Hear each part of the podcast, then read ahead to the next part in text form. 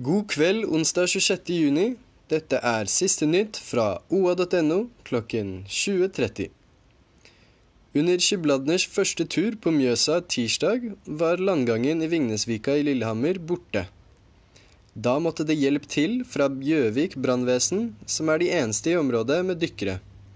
De dykket under kaianlegget og fant igjen landgangen onsdag morgen. Det skriver GD i dag.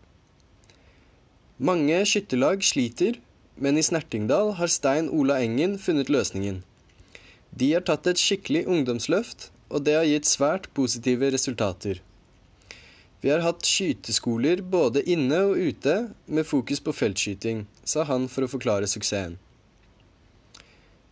Det blir nye stupebrett på fastland på Gjøvik, takket være midler fra Barnas vinterfestival. De fikk nemlig 40 000 da de vant Gobb-prisen i 2017, og har brukt dette til oppussing av vesle og storesvikten. Dette var siste nytt med oa.no. Ha en fortsatt fin kveld.